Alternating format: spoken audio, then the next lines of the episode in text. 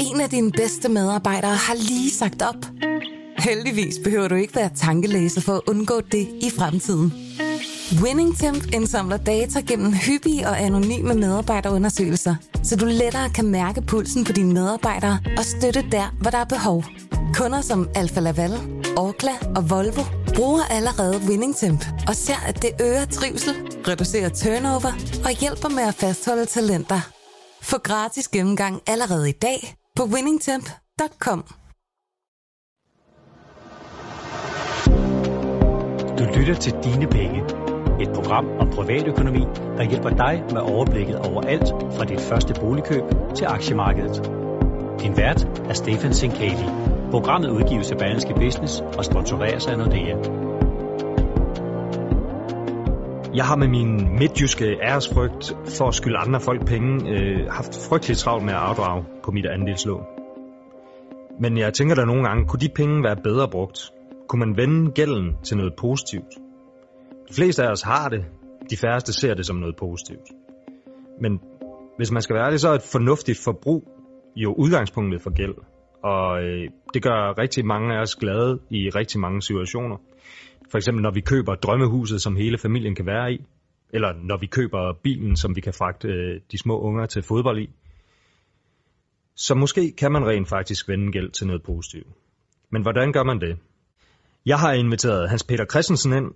Han har i mange år arbejdet i finansverdenen, og derefter han har undervist på Finanssektorens Uddannelsescenter. Siden han blev han medstifter og direktør af Uvildig.dk, som er et uafhængigt finansielt rådgivningsfirma.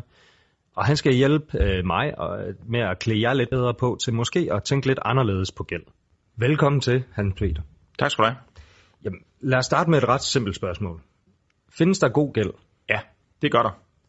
Øh, der findes gæld, hvor at øh, det afkast eller det udbytte, man får ud af at have gælden, det overstiger den omkostning, der er ved at have gælden. Og hvis, mm. hvis den ligning den går op, at man får mere ud af det, end man har betalt, jamen så har det jo været øh, god gæld. Okay. Og er der noget i folks øh, privatøkonomi, hvor, hvor det kan gøre sig gældende nogle områder? Jamen nok det mest øh, klassiske eksempel, og det som mest er ude for, eller flest er ude for, det er jo køb af bolig. Mm. Hvis man står for at skal flytte, så kan man jo flytte i en lejebolig, eller man kan flytte i en andelsbolig eller en ejebolig.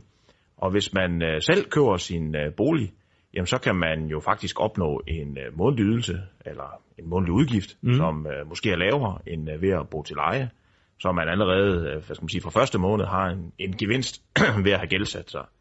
Øh, det kan også være, at man får en øh, udgift, en månedlig udgift, der er højere, hvis man afvikler på sin gæld, altså betaler tilbage. Mm. Og så kan det godt være, at man måske oplever det som om, at det faktisk er dyrere at bo i sin egen bolig, men til gengæld så sparer man jo op i sin bolig, og man har muligheden for, at boligen kan stige i værdi.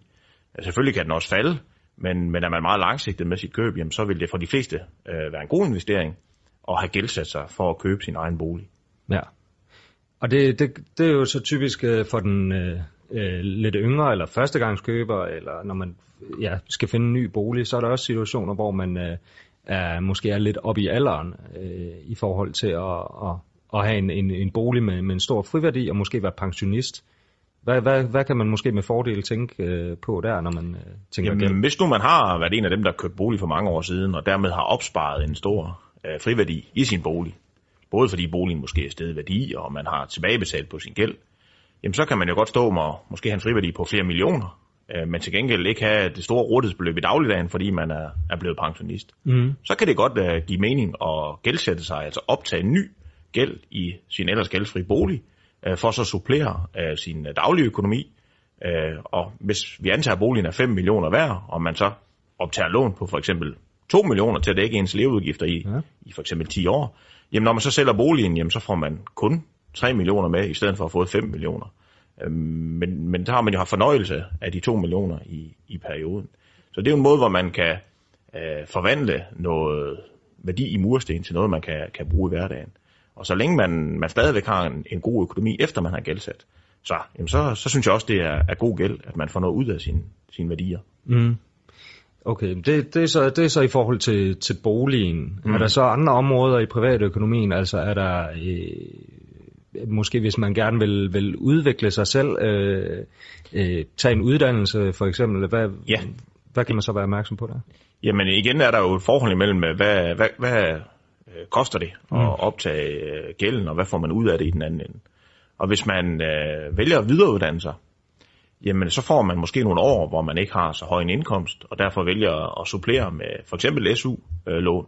Mm. Øh, og så tænker man, det er jo en udgift, og den skal tilbagebetales på et tidspunkt, og der er, selvom renten er lav, så er der også en rente derpå. Mm. Men hvis øh, den videreuddannelse betyder, at man får et øh, bedre job med en højere indkomst, jamen så kan det vise sig at blive en rigtig god investering. Hvis man i 30 eller 40 år får 5 eller 10.000 mere om måneden, jamen så kan den uh, SU-gæld, uh, den kan være tilbagebetalt uh, hundredvis af, af gange for, for den ekstra indkomst, man har. Mm. Og kommer man længere hen i uh, ens uh, erhvervskarriere, uh, jamen så er der også nogen, der vælger at måske optage gæld for at tage en, en MBA eller lignende, og det koster måske en halv million eller en hel million. Uh, men igen, hvis man uh, får et job til en væsentlig højere løn, jamen, så kan den for mange vedkommende være tilbagebetalt på 5 år eller 10 år, og så har man jo stadigvæk gevinst af den. Udover man har fået fornøjelsen er, og, og uddannelsen og, og har, har, har dygtiggjort sig. Ja, jeg har jo selv med, med stor fascination øh, læst om og hørt om flere øh, i min øh, vennekreds, der, der har taget til New York og læst en master på Columbia i journalistik. Og med lige så stor fascination og måske lidt afskræk øh, set på regningen på de der 400.000, men det kunne da godt være, at, øh, at man skulle overveje det, og så øh, få et, øh, et mere vellønnet job. Det er i hvert fald et af eksemplerne. Vi har også øh, set folk, der gældsætter sig for at uddanne sig til pilot, for eksempel, mm. som jo også kan være en meget kostelig øh, uddannelse. Og så, der er jo ikke nogen garanti for det her. Bare fordi man vælger at tage en MBA eller en pilotuddannelse, er det jo ikke sikkert, at man kan få et, øh, et job med en bedre løn, eller overhovedet få et job øh, e-, efterfølgende. Mm. Øh, det har vi set eksempler på nogen, der har, har gældsat sig med både halv og hele millioner, og så øh, ikke kunne få øh, det job, som de egentlig regnede med, øh, da de påbegyndte uddannelsen, eller måske ikke færdiggjorde uddannelsen. Mm. Så det er jo ikke uden risiko at påtage sig gæld. Og på samme vis, som vi talte om før med, med boliglån, altså bare fordi man køber en, en lejlighed i København, øh, og den er øh, steget meget på det sidste, jamen, så er der ikke nogen garanti for, at hvis man står og skal sælge den om 5 eller 10 eller 15 år, at man har tjent penge på det. Det kan jo godt vise sig, at, at boligmarkedet på det tidspunkt, man sælger, øh, er på vej nedad, og så man ender med at tabe på det. Og vi ser jo lidt det samme med det her med øh, at låne til investeringer. Det ja. har vi også set inde på værdipapirmarkedet, hvor det er jo typisk i perioder, hvor aktierne går meget opad, så bliver det populært at øh, låne øh, penge til at investere for. Øh, og det er der også nogen, der har tjent gode øh, penge på, hvis man gør det på de rigtige tidspunkter. Ja. Men der er mindst lige så mange, som øh, har tabt mange penge på det. Øh, et af de mest kendte eksempler er nok i går, som vi jo så øh, før krisen, som øh, pansatte sine IT Factory-aktier, og så lånte penge og købte almindelige aktier for, som så faldt under, under krisen. Men vi har også set det i, for helt almindelige mennesker i, i mindre målestok. Øh, og det er jo det, der er omkring øh, gæld. Øh, den kan være fornuftig, øh, hvis man er sikker på, at man har øh, økonomien til at tilbagebetale den, mm. og man er sikker på, at man selv er herover, hvornår den skal tilbagebetales. Øh, et af de bedste lån, man kan have, det er jo realkreditlån. Fordi når ja. først man har optaget realkreditlån, og man ellers overholder sine forpligtelser, altså betaler sin termin, jamen så er der ikke nogen, der kan komme og tvinge en til at indfri øh, sin gæld. Hvorimod hvis man har lånt penge til at investere for, og aktierne så falder i værdi, jamen så kan banken godt komme og sige, jamen nu er vi utrygge ved, ved at have lånt dig penge til at investere, og aktierne de falder så meget nu, at det er lige at de ikke dækker den gæld, du har hos os. Så nu vælger vi at lukke øh, for investeringerne, og dermed skal vi også have indfriet af gælden. Og så kan man jo risikere at blive lukket på det værste tænkelige tidspunkt. Mm. Så det der med selv at være herover, hvornår gælden skal tilbagebetales, eller man i hvert fald er sikker på, at der ligger en klar aftale om det, øh, det er vigtigt, når man øh, optager øh, gæld. Ja, og så måske også få noget rådgivning, som du siger, om, om, om hvad ens økonomiske formåen er, og hvor, øh, fordi som du selv siger, at øh, langt den største del af forskellige former for gæld er en eller anden form for risiko. Ja. Og så skal, mm, jamen, så skal man måske også være med, jamen bolig, det er jo, det er jo så også, det opfylder også andre behov end mm. investering, kan man sige, øh, og det gør uddannelse også. Ja. Øh, men det er en risiko. Ja, i hvert fald er bolig til eget formål. Ja. Vi ser jo også nu, at, at udlejningsejendommen går som varm brød, og er blevet presset meget højt op i uh, pris. Mm. Og det er jo lige fra forældrekøbet, altså det kan være forældrene, der startede med at købe en lejlighed til deres barn, der skulle ind og, og læse ind i byen, og havde svært ved at finde noget, og så købte de en lejlighed, og, mm. og det hang egentlig godt sammen. Og så kunne de se, at det har jeg tjent gode penge på, lejligheden er steget i værdi, og jeg får også en lejeindtægt, selvom den måske ikke er i den høje ende, fordi det er mit eget barn, der bor der. Så bliver der en lejlighed i samme opgang sat til salg, eller på den anden side af gaden, og så kunne vi da også lige købe en mere. Det er jo gået godt med den første. Og pludselig står de med to eller tre eller fire øh, lejligheder. Ja. Øh, og så er det jo ikke længere, øh, hvad skal man sige, til eget brug, eller til familiens brug. Og igen, hvis timingen er rigtig, så kan det blive en ualmindelig god investering. Men kommer man ind på det forkerte tidspunkt, øh, og der så kommer en, en krise, jamen så kan det blive en meget dyr affære at have forkøbt sig øh, i, i sådanne investeringer. Så alting med måde. Ja, og måske lidt ekstra måde nu her, eller hvordan kan I se nogle af de samme tendenser, som man så i 2006 og 2007? Ja, det kan vi. Altså det her med, at, øh, at udlejningsboligerne bliver solgt på så høje niveauer, altså den, det afkast, man har på dem, når man køber dem, det er så lavt, at det, det har svært ved at, at, at servicere den gæld, man så skal have for at, at købe dem. Og vi kan jo se, at øh, aktierne ligger på rekordhøje niveauer, og boligpriserne ligger på rekordhøje niveauer, og det er meget, meget billigt at låne. Og samtidig så har bankerne utrolig meget indlån stående, som de gerne vil have ud at arbejde, fordi det koster dem penge at have det stående. Hvis de skal videre med dem i Nationalbanken, så betaler de altså for at have penge stående der. Og skal de ud og købe obligationer for dem, så koster det også dem, der er en negativ rente. Mm. Så bankerne er meget forhibet på at få noget øh, mere udlån, og øh, danskerne og ja, de, de fleste steder, hvor det går så godt, som det gør her, er blevet mere modige i forhold til at investere både i ejendom og i aktier. Og det er de på et tidspunkt, hvor det er steget. Ja. Og det er jo det, der kommer vi altid sådan lidt på, på bagkant. Og vi plejer at sige, der hvor man skal passe på, det er når øh, de sidste de begynder at købe. Altså når selv, øh, øh, ja, det var et, et godt eksempel fra, fra den store krise i 29, hvor der en, der sagde, jeg burde have vidst, det gik galt, fordi min skopusser var begyndt at sidde og tale om aktier med mig. øh, og, når, og når alle begynder at interessere sig for det, når alle kender en, der har tjent penge på aktier eller på ejendom, og også vil ind i det, jamen så er det, vi skal til at passe på, fordi så er det, der, der begynder at være risiko for, for bobler. Jeg mm. siger ikke, at vi står lige over for den, men det er klart, risikoen for, at aktierne over ejendommen skal, skal falde uh, betydeligt, den er større nu, hvor de er steget så meget, end den var for nogle år siden. Mm. Okay. Jamen, uh, tusind tak for din uh, tid i dag, Hans Peter. Og det, jeg hørte dig sige, der er altså, alting med måde, og husk på, at der er en risiko forbundet med gæld. Altså, der er selvfølgelig også gevinster at hente, og der er andre ting end rent spekulative forhold, uh, der kan gøre sig gældende. Ja, så man skal jo sætte sig ned, og så skal man spørge sig selv, øh, forventer jeg at få et udbytte af det, jeg bruger gælden på, der overstiger den omkostning, der er ved gælden? Og hvor sikker er jeg på de præmisser, der ligger bag? Altså, hvor sikker er jeg på, at jeg kan få et bedre lønnet job? Hvor sikker er jeg på, at den her ejendom, jeg er ved at købe, det bliver en god investering på sigt? Hvor sikker er jeg på, at jeg kommer til at tjene penge på de aktier, jeg måske har nogle penge til at købe?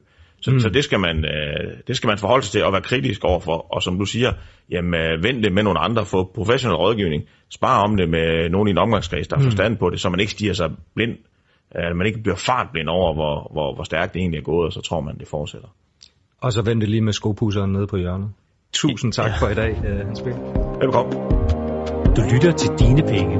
Programmet er tilrettelagt af Stefan Sinkali og Mia Svendingsen. Nu er vi nået til den del af dine penge, hvor vi forhåbentlig får et mere personligt perspektiv på privatøkonomien. I dag skal vi snakke med Asger Aumund, som er en kendt dansk erhvervsmand, der faktisk startede sin karriere på de skrå brædder med at forsøge lykken på det kongelige teaters elevskole.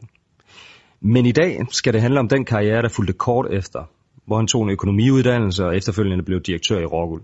I 80'erne blev han topchef i det danske medicinal, medicinalfirma Theosan, og med penge herfra var han en del af dansk biotechs første gyldne tidsalder. Her var han med til at stifte biotech-selskaberne Neurosearch og Bavarian Nordic. Selskaber, som i den grad også har påvirket rigmandens økonomi, og det er netop det, vi skal snakke mere om i dag.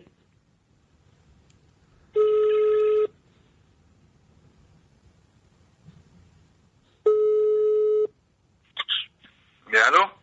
Hej Asger. Vi skal, ja, hej. vi skal jo snakke om dine erfaringer med privatøkonomi. Det håber jeg, du er klar på. Ja, ja, det er til at overskue, så det kan vi godt finde ud af. Jamen Asger, jamen, så lad os uh, gå i gang. Du har jo levet et, uh, et efterhånden begivenhedsrigt liv og, og mødt mange interessante mennesker. Har du uh, samlet et privatøkonomisk råd op på, på din færd, som du gerne vil uh, give videre? Uh, ja, det har jeg egentlig, uh, fordi det er en del år siden, hvor jeg var uh, koncerndirektør i Rockwool havde ansvar for udlandsdivisionen der øh, der var vi nogen, der sad og talte lidt om, hvor meget man egentlig fik ud af sin pensionsordning. Mm. Og så begyndte man jo at regne på det, og fandt ud af, at hvis man nu i stedet for at indbetale sin pensionsordning, at man så i stedet for holdt noget tilbage af sin, sin egen gage, øh, som var beskattet, og så købte for eksempel C20-aktier for det gennem hele sit liv, så vil, vil man få en meget bedre forretning, end hvis man var del af en pensionsordning. Og, øh, og så vil den jo heller ikke være i fare for at blive så groft beskattet, fordi der er noget, der tyder på, at efterhånden som rige penge, så bliver beskatningen også af den udbetalte pension større og større i Danmark, hvor vi jo har en kæmpe pensionsformue på over 3.000 milliarder kroner. Så det var egentlig et, øh, et, et, et godt råd, jeg ville give videre til andre mennesker. Jeg gjorde det ganske ikke selv, men det var imponerende at se, hvor meget man fik ud af det, hvis man, øh, hvis man kunne spare op. Men jeg kunne ikke spare så meget op dengang, fordi øh, jeg var forholdsvis ung og havde kone og børn og et, et hus i Holdet, der skulle betales af på og noget bankgæld. Så der var simpelthen ikke plads i budgettet til, at jeg kunne gøre det, jeg helst ville. Men jeg ville ønske, at jeg havde kunnet gøre det. Og hvad, altså nu, nu kunne du så ikke træffe den beslutning, som du, du øh, siden han har, har vurderet var, var, var ganske god, men er der så en anden beslutning, som altså en, en rigtig god økonomisk beslutning, som, øh, som du har truffet, øh, som du gerne vil øh, dele? Uh, ja, det er da helt sikkert. Uh, for eksempel at det, at jeg besluttede mig til, at uh, stiftet Bavarian Nordic var en, en god økonomisk beslutning.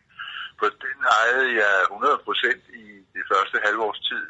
Så var det jo et mm. ganske lille firma, men, men med en god øh, forskningsidé bagved. Og så efterhånden så fik jeg jo andre øh, med ind i det, lønmodtagernes dyrtidsfond og andre, der gerne ville være med. Og vi fik jo også børsnoteret selskabet.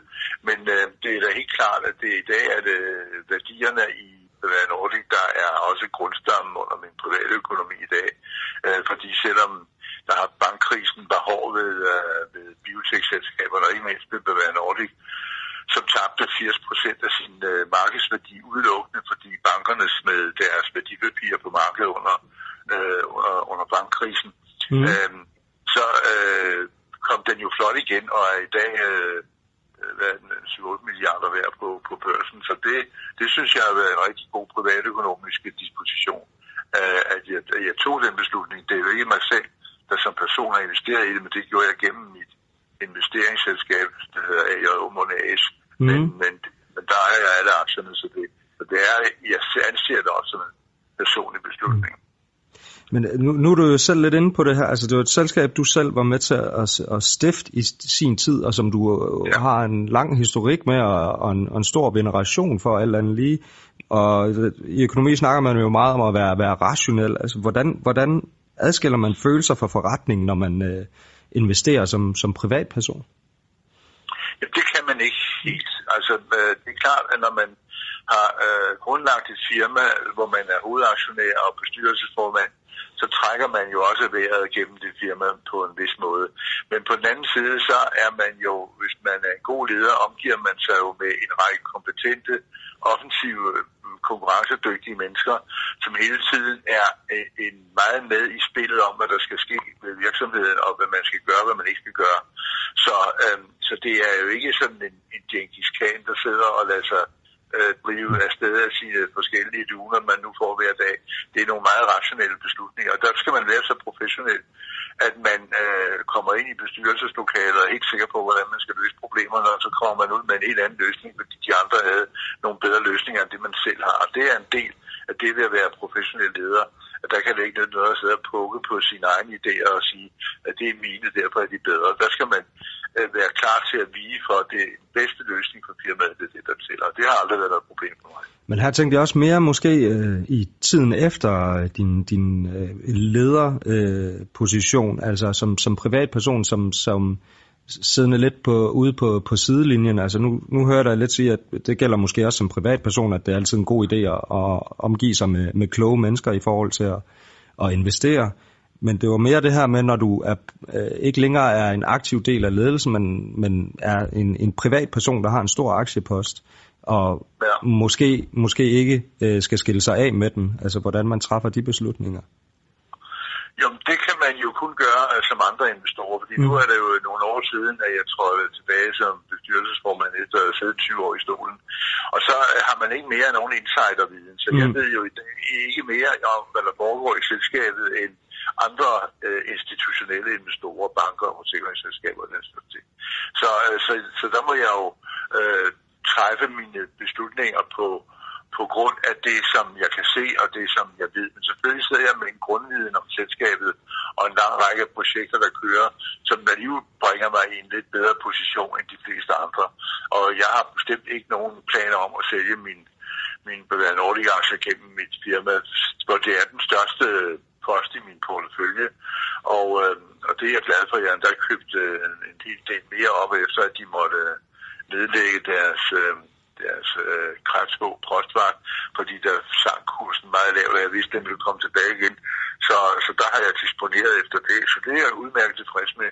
Så jeg regner med, at øh, den andet Audi, hvad de også antyder i det regnskab, der kom i dag, øh, at, øh, at øh, det går godt på alle fronterne, og at øh, de regner med en positiv udvikling i de, den kommende tid. Det gør jeg bestemt også, så jeg har ikke nogen plan om at skille mig af med de aktier.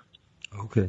Men kan du så fortælle lidt om, altså nu er det så en stor øh, aktiepost i din ø- økonomi, øh, og det, nu, nu er du øh, ude på den anden side af, af erhvervslivet i forhold til, til det selskab. Øh, Øh, du har tidligere været direktør i Rockwool, du har været topchef i FEUSAN, du har været entreprenør. Kan du fortælle lidt om, i hvilken periode af dit liv øh, du har lært mest om din, din egen økonomi? Jo, men det var jo helt klart, at det lærer man jo på den hårde måde under bankkrisen, fordi øh, lige inden bankkrisen øh, rullede hen over øh, gulvet, så havde min virksomhed en øh, indkapital på omkring en milliard kroner. Øh, men da så bankkrisen kommer, og der fire store banker i USA øh, øh, går ned, som alle andre banker i verden havde forbindelse med, så bliver går der panik i hele bankverdenen, og man tør ikke låne penge til hinanden, og man tør heller ikke låne hos de andre. Og det vil sige, at hele det der interbanksystemet øh, bryder ned. Og hvad gør bankerne så? De smider alt, hvad de har af værdipapirer på markedet, fordi de skal have likviditet, og de er fuldstændig ligeglade med, hvad de får for dem, og så markedet bliver bare sådan en kontant hæveautomat. Og det betyder jo, at priserne de rammer ned, og dem, der går mest ud over, det er jo de mere risikofyldte, sådan noget som biotekvirksomheder. Så både Novosearch, som på det tidspunkt var i rigtig god gænge, og også Bavarian Nordic tabte 80 procent af deres markedsværdi på samme tid. Mm. Og det betød jo pludselig, at, at mine værdier i, gennem min virksomhed, at de faldt også med 80 procent, for det var der, jeg havde mine værdier i de to selskaber. Og pludselig så var øh, mine værdier faktisk under den gæld, der var i selskabet, fordi jeg havde måttet stifte en gæld på omkring 200 millioner kroner, fordi at jeg blev nødt til at købe aktier i de to selskaber efterhånden, som de øh, skulle have penge på børsen, fordi ellers ville bankerne ikke være med. De sagde, at du er bestyrelsesformand, du er hovedaktionær. Hvis du ikke går med og køber aktier, øh, så kan vi ikke øh, ud og sælge det her.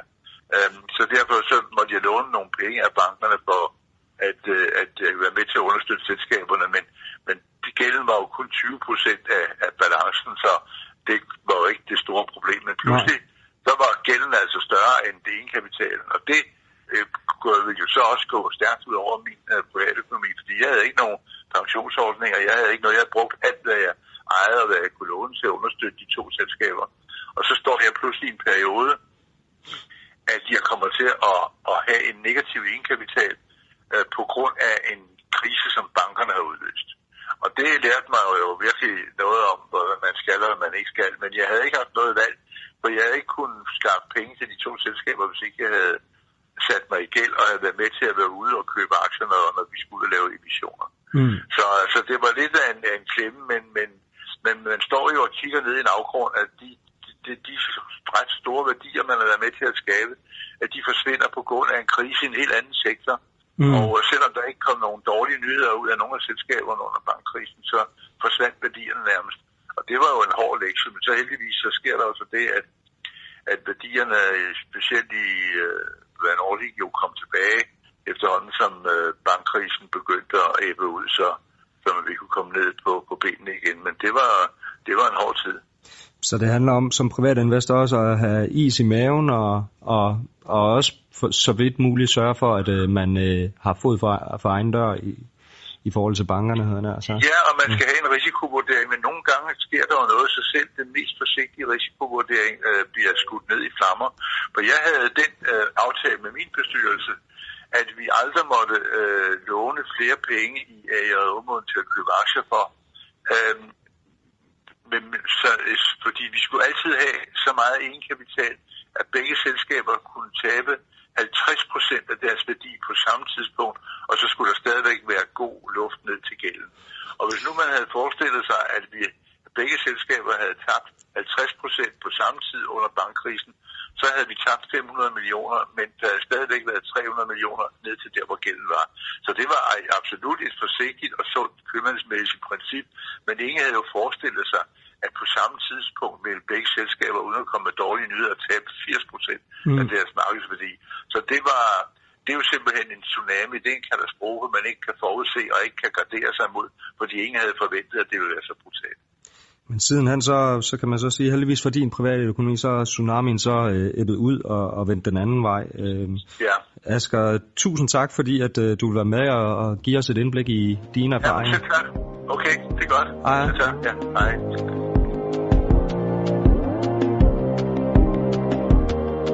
Nu får du eksklusiv adgang til Nordeas eksperter, som giver dig konkrete råd til at gøre rodekuverterne mere overskuelige. Podcast fra Berlingske Business er sponsoreret af Nordea. I dag handler det om gæld og at tænke i gæld. Og derfor taler jeg med Anne Lehmann Eriksen, som er forbrugerøkonom i Nordea. Velkommen til, Anne. Tak skal du have. Lad os kaste os ud i det. Vi, øh, vi låner ofte penge til bolig og, og boligkøb, men er der andre situationer, hvor at det kan give god mening at, at låne penge?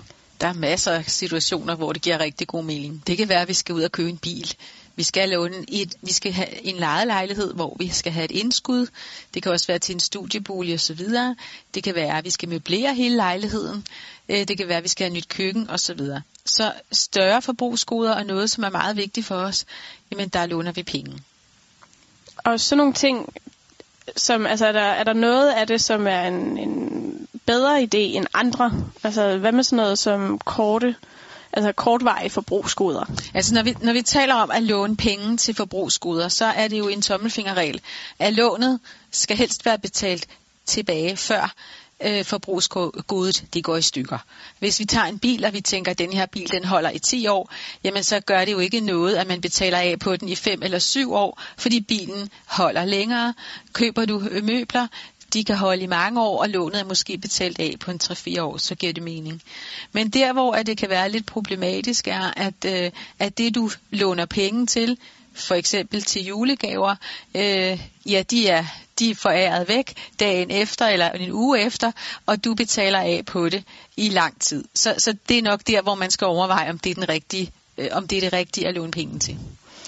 Og når man så øh, stifter gæld, er det så en, øh, en god idé at stifte en slags for at betale en anden slags af? Altså, der er svaret NEJ. Nej, normalt er det ikke nogen god idé at låne penge for at betale af på gæld. Men der kan være nogle situationer, hvor at det alligevel giver mening.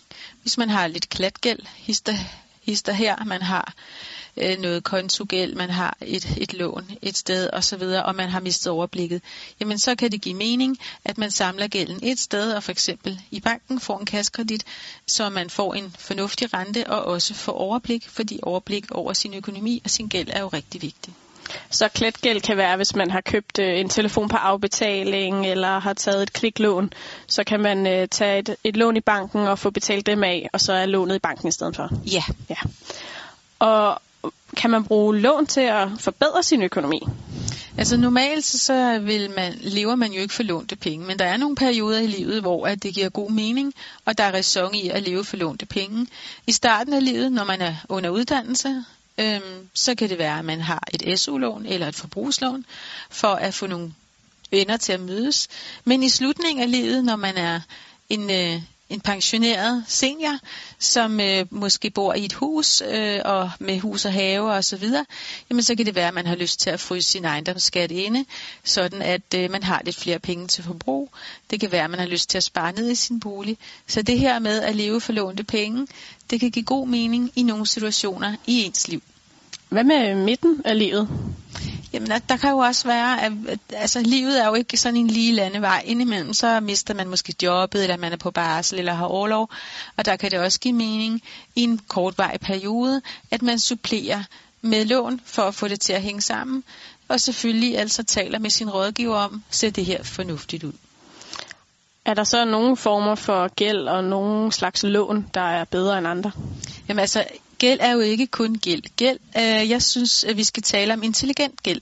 Fordi at intelligent gæld, det er jo for det første, at man husker på, at når man låner penge, så skal de betales tilbage igen. Og det er ikke gratis at låne penge.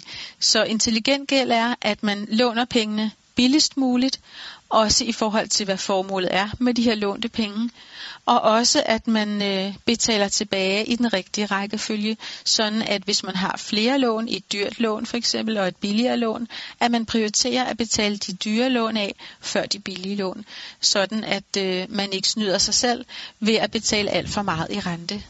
Og hvor kommer banken ind? Jamen altså, banken er jo ens partner, fordi det er nede i banken, at man skal låne sine penge. Og det skal man, fordi det som regel er billigst at låne pengene ned i banken. Det er også banken, der kan vejlede om, man eventuelt kan få et billigere lån ved at give sikkerhed. Det kan være, at man for eksempel øh, giver sikkerhed i fast ejendom eller i bilen, og så vil man som regel kunne få et billigere lån, hvis man ikke kan stille en sikkerhed. Men øh, mange af de ting, det er man ikke selv klar over, så der er det en god idé at få noget vejledning nede i banken, og de kan også overskue, hvor meget om, om, om du selv mener, du har råd til at låne mere, end de måske har. Og så er det jo en god idé at lytte til, hvis de siger, ah, øh, vi tror ikke, din økonomi kan holde helt til så meget, men det kan nok holde til det her. At man lytter, at et nej er, er, er fordi, at de vil passe på dig øh, og på sig selv, men, øh, men de vil især sikre, at du ikke kommer ud, øh, hvor du ikke kan bunde med alt for meget, for meget gæld og for mange lånte penge.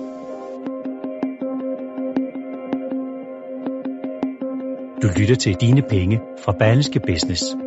Et program om privatøkonomi, der hjælper dig med overblikket over alt fra dit første boligkøb til aktiemarkedet.